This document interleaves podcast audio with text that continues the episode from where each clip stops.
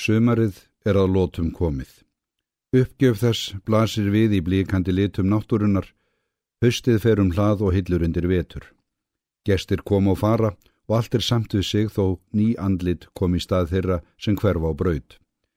Hann veit dvöl sína stittastóðum en slær því á frest frá degi til dags að ákvarða brott fyrr.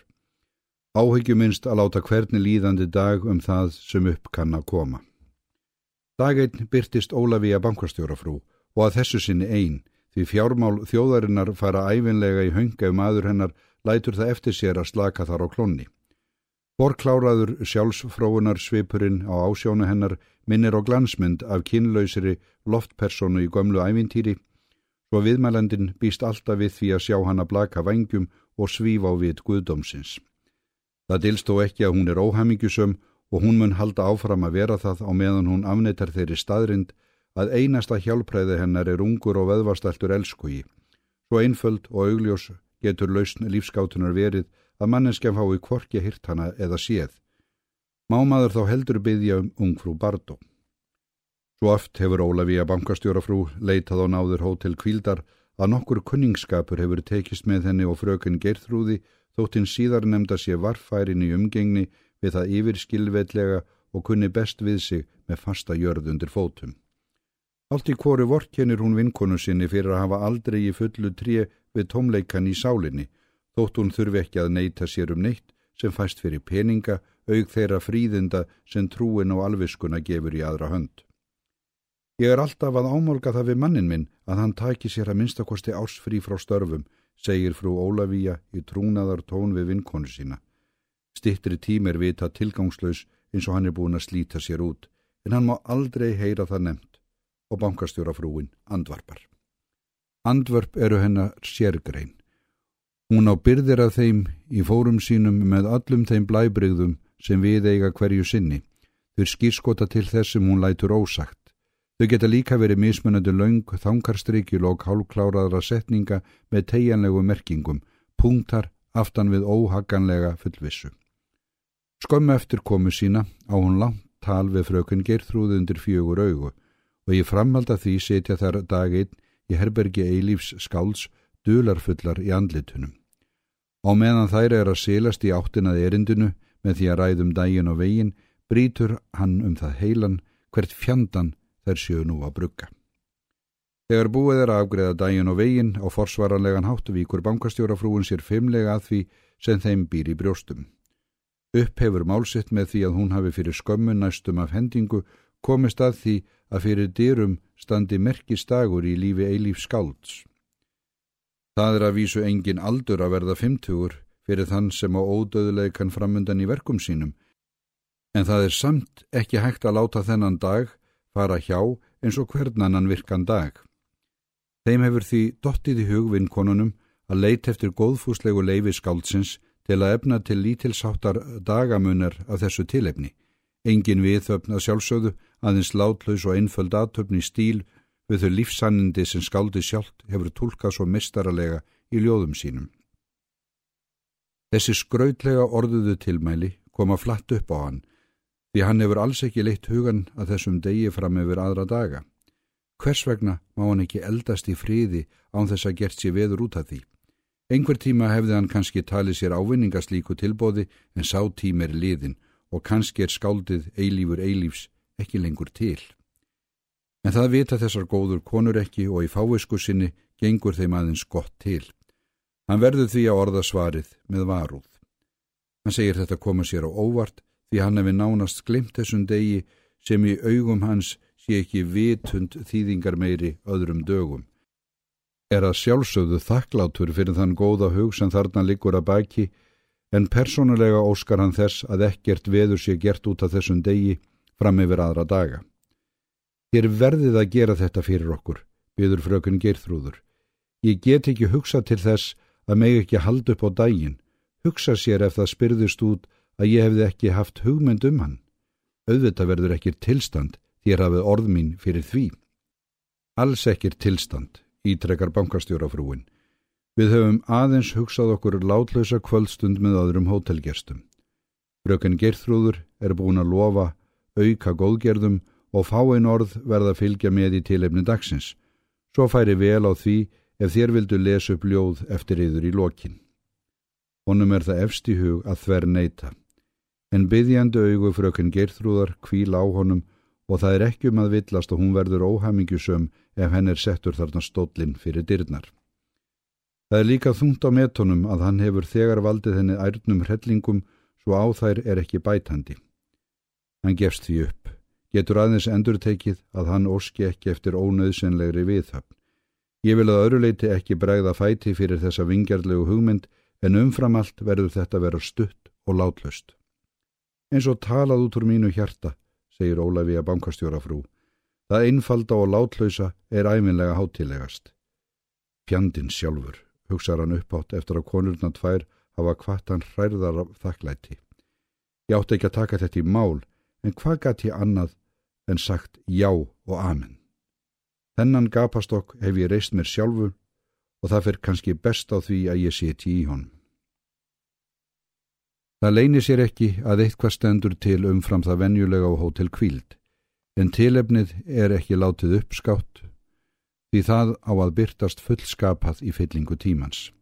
Fröken Gerþrúður lætur hendur standa fram úr ermum, alla rúmhelga daga veitir hún af rausn svo ofrausn er aðeins sjálfsagður og eðlilegur dagamunur að hennar rituali. Ólafíja bankastjórafrú líður um húsið í leindadóms fullri upphafningu og óræðari en nokkuri sinni fyrr. Hún er að semja ræðuna sem hún ætlar að flytja fyrir minni ammælisbarsins því öðrum er þar ekki til að dreifa. Hún veit þegar með sjálfri sér að hún muni gera lukku og hugbóð hennar í þá veru hafi ekki brúðist fram að þessu. Hún hefur lagt plön sín varðandi þennan dag með ríflegum fyrirvara þótt hún hafi ekki látið þau öll uppi. Það er ekki fyrir en síðasta kvöldið fyrir dag dagana að hún trúir vinkonu sinni fyrir þeim í einstökum atruðum svo allt sé á hreinu og fyrir opnum tjöldum. Veistu hvað ég var að frétta, segir hún með þeim forkláraða trúnaðarsvip sem hæfir málefninu. Það var ringt í mig Úr borginni í dag gagger til að segja mér að sjálfur listamálar á þeirran ættar að koma hingað í heimsokn á morgun í tilefni dagsins. Og hann kemur áraðanlega ekki einn því svo marga aðdáðundur á eilífur skáld sem láta sig ekki munu um að skreppa þennan spöl til að heidra hann. Blöðin og útvarpið geta hans auðvitað á viðigandi hátt og svo það verður alþjóð kunnugt hvaða dagur er á morgun. Mér fannst það skilda mín elskan að láta þig vita þessu svo það kemi þér ekki alveg að óverum. Hamingjan sanna, segir frökun Geirþrúðu skelkuð og ég sem var búin að lofa honum því að það yrði ekkert tilstand. Hann skilur það áraðanlega að þú getur ekki gert að því. Það segir engin öðrum fyrir verkum þegar svona stendur á. En veit hann það, stínur frökun Geirþrúður upp í öngum sínum. Ég veit bara það að þetta á að vera óvænt heimsókn af hálfu listamálar á þeirrens. Okkur kom saman um að það færi best á því að það liti þannig út þegar ég hitti hann á dögunum og þetta barst í tal. Guð og menn vita skáldið dvelur hér sér til kvildar og andlegrar næringar svo tillit sem er verður að sína. Blessu góða hafðu yngar áhyggjur. Ég verða að tala um þetta við hann, segir frökun Girþrúður, ekki laus við kvíða. Góða besta láttu þér ekki detta það í hug, þú veist auðvitað ekki neitt þó ég trúi þér fyrir þessu. Og hann fer aldrei að kenna þér um það sem þú hefur ekki hugmynd um. Fröken Geirþrúður róast nokkuð þótt öllum áhyggjum sé ekki af henni létt. Guðminn góður, láttu þetta allt fara vel, byður hún undir svefnin. Hún er þó ekki vönd því að ákalla æðri máttarvöld þótt sirti í álinn. Hann vaknar þennan morgun þungur í höfði og þurri í kverkum. Það var lið á nóttu þegar hann loksins er hann í brjóst og þá sótti á þónum martröð með órum svo hann er þreyttur ákaflega þreyttur. Eftir morgunkaffið og ærlegan afréttara bráur þó af honum svo honum tekst að verða sjálfun sér líkur og ytraborði. Það er langur dagur framundan en að sjálfsögðu tekur hann enda eins og aðrir dagar. Hann veit sér ekki komast hjá því að setja til borðs með ókunnugu fólki sem prísa sér sælt að því einu að fá tækifæri til að riðja í sig auka getu að veislukosti ofan í langvarandi ofátt og ógjörlegt er að sniðganga orðaleka bankastjórafrúarinnar og kannski annara sem sleppa engu tækifæri til að hlusta á sjálfa sig tala. Svo kemst henn ekki hjá því að þakka auðsíndan heiður og fara með eitthvað gamalt ljóð, helst nógu ómerkilegt, svo það stingi ekki í stúfið það sem aðrir kunna láta út úr sér. Skömm eftir hádegið er drepið og dyr og fjölinn byrtist í gættinni. Það er hér maður að spyrja eftir yður, segir hún. Helst vill hann vera laus við átróðning en hefur enga haldbær afsökun til reyðu. Skiptir líka strax um skoðun þegar andlit glerhúsbóndans byrtist yfir auksl stúlkunar. Gaman að sjá þig, segir hann við gestin án þess að mæla þvert um hug. Komdu almennilega inn fyrir. Það má ekki minna vera en ég launi þér húsaskjólið frá því í sömar. Bóndin sópar fjölinni frá sér, stikarinn á golf og réttir honum hönd. Komdu blessaður og sæl og til lukku með daginn. Eins og þú heyrir veit maður hvaða dagur er í dag. Hm. Það vissi á eitthvað þegar rausnarkonan Girþrúður pantaði hjá mér þrefaldan skamt á gúrkum og tómatum fyrir utan bísna blómum. Háði þér sæti, þú lítir af að tíma til að doka við stundarkorn. Ætli maður láti sér ekki hafa það, þó mikið sé að gera. Já, það kallar æmvelega allt að hvernig sem maður amlar. Bóndin heldur á pappakassa og er brúðið utanum hann snæri. Leggur hann frá sér á borðshornið, tillir sér, dregur upp pontu sína, slær henni léttilega við og réttir hanna síðan skáldinu. Báðir korn í nefið blessaður, mér sínist þú vera dáliti gugginn í andlitinu og ekkert jafnast á við blessað nefntópakið þegar slen er í manni. Æmilega verði eins og nýr af nálinni við að fá mér drátt. Ammalisbarnið þykkur fáinn korn í aðra nösuna, nerrar og fær raka í augun. Bondin tekur við pontunni, stingur stútnum í aðra nösina, halla sér aftur á bak og sígur að sér, gerir sisturnösinu sömuskil og dæsir af velíðan. Þú þykkur lítil fjörlegar góðgerðir hjá mér, segir skáldið og dregur fram flösku og glös. Þó það nú væri blessaður, segir bondin og léttist í sæti. Ekki svo að skilja að ég stundi þetta neitt að ráði núorðið, en hóflega drukkið víngleður mannsins hjarta og þar er ég á sama máli og Salomón heitin. Ah, þetta er bærilegt. Hafðu Guðsást fyrir, blessaður. Hvaða erindi getur hann átt þessi hispuslausi bondamadur?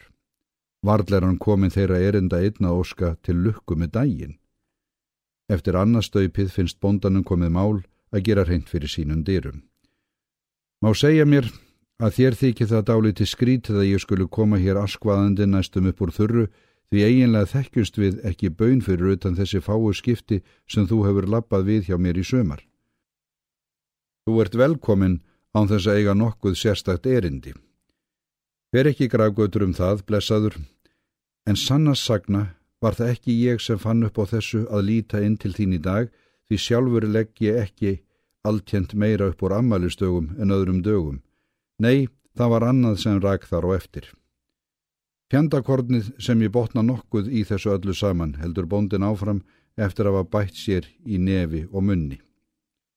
Einhver tíma hefði ég látið það ógert að ansa slíku því hjátrúarfullur hef ég aldrei verið, en kannski er ég bara gengin í bardóm án þess að hafa hugmyndum það sjálfur. Þegar við spjöllum saman í skúrnum hjá mér í sömar og ég síndi þér hauskúpuna af piltgreinu sem ég geimdi upp á hillu, sagði ég þér eitthvað undan og ofan að því hvernig hann fór að því að koma sjálfun sér í ló inn undir jökli, svo ég þarf ekki að fara lengra út í þá sálma. Nú, eins og þú hlítur að muna, náðu þetta ekki lengra þá, en svo var það í gær, eða kannski var það í fyrradag, að ég er stattur inn í skonsunum minni og þá flögrar þessi skolli að mér. Ég hlýta vera orðin eitthvað hinsegin, hugsaði ég með mér. Að láta mér detta annað eins í hug. Svona löguð fjärstaði kemur ekki til greina, en þetta let mér ekki fríða allan guðslangan daginn og það er ekki fyrir undir kvöld sem það rann upp fyrir mér hvaðan þessu hugdetta var ættuð. Þú skilur hvað ég meina. Það var sko hann eða öllu heldur þessu höfuðskil af honum sem hafði laumað þessari flugu að mér.